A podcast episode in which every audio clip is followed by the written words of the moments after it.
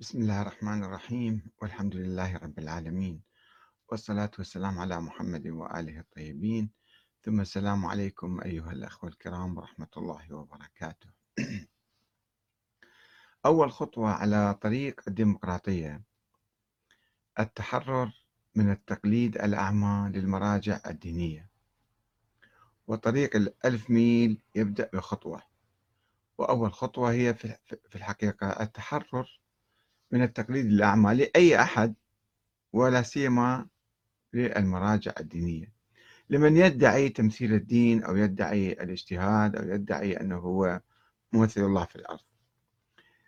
والشيعة لم يتأخروا في الحقيقة طول القرون السابقة إلا بسبب التقليد الأعمى.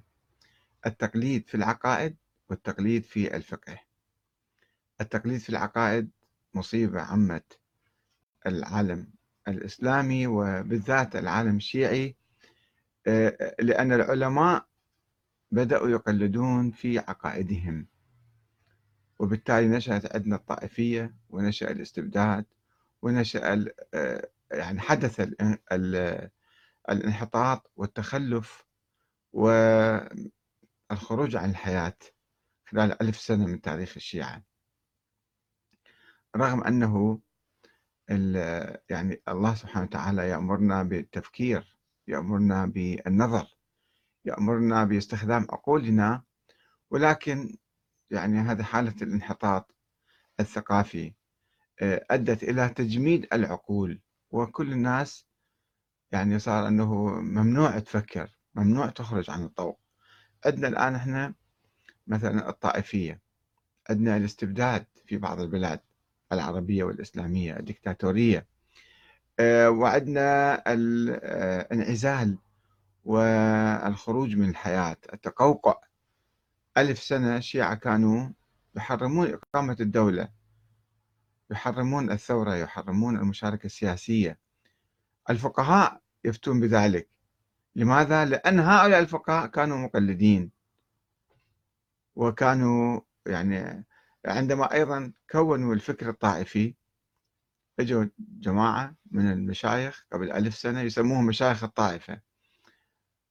على أساس اجتهدوا ولكن اجتهادهم كان خاطئ.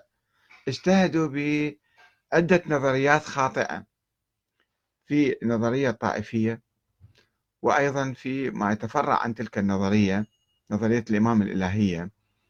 آه، وجود الإمام الثاني عشر. اجتهدوا. أن هذا الإمام موجود وهو معين من قبل الله ومفروض الطاعة ولا يجوز الخروج عليه ولا يجوز التحرك إلا بأوامره وهو ما موجود حتى يعطي أوامر لأحد ولا يهدي الناس ولا يرشدهم ولا يعلمهم الطريق الصحيح. فهم اجتهدوا وأغلقوا عقولهم وأغلقوا عقول الطائفة الشيعية. فشوفوا شلون مصيبة. ألف سنة نحن نقول بحرمة العمل السياسي وحرمة الثورة وحرمة إقامة الدولة وحرمة تطبيق الإسلام في الحقيقة ما يتعلق بالدولة كله بسبب التقليد الأعمى.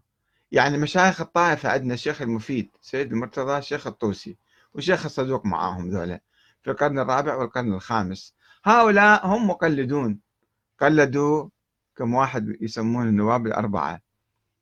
هو نائب الأول فقط والبقية تبع إلى كانوا. النائب عثمان بن سعيد العمري قال أنه يوجد ولد للإمام العسكري. ادعاء وصدقوا كلامه وبنوا عليه أحكام وبنوا نظريات وبنوا آه، طوائف. صارت الفرقة الاثنى عشرية بناء على هذا التقليد الأعمى لعثمان بن سعيد العمري مؤسس هذه الفرقة الاثنى عشرية يعني أدى كلامه إلى تأسيس وإلا في البداية ما كان يقول باثنى عشر إماما. فالتقليد قبيح ومذموم باعتراف وتأكيد مشايخ الطائفة الاثنى عشرية سواء الشيخ المفيد أو الشيخ الطوسي أو الشيخ ابن زهرة السيد ابن زهرة كلهم كانوا يقولون التقليد حرام وقبيح ومذموم سواء في العقيدة أكيد حتى الآن العلماء يقولون في العقيدة لا يجوز التقليد ولكنهم هم يقلدون. روحوا اسألوا أي مرجع. عن عقيدته ما يعرف يجاوب لي شنو سبب يعني تبني هذه العقيدة. مبنية على خرافات وأساطير وأحاديث ضعيفة وهو مشبث بها لأنه يقلد.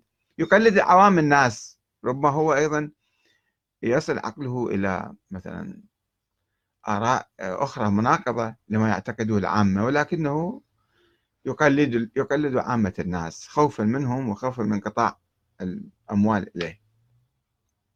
وكذلك بالفقه. العلماء الشيعة كانوا يقولون مشايخ الطائفة تحدث عنهم. حتى في الفقه لا يجوز التقليد. التقليد قبيح ومذموم. ومع ذلك هم مشا...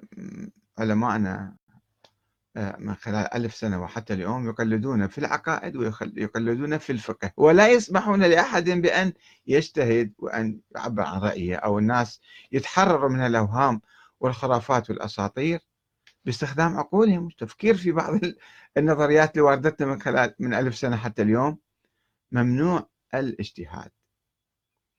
ويقول البعض أنه الأئمة كان يأمرون شيعتهم أو تلامذتهم بالاجتهاد.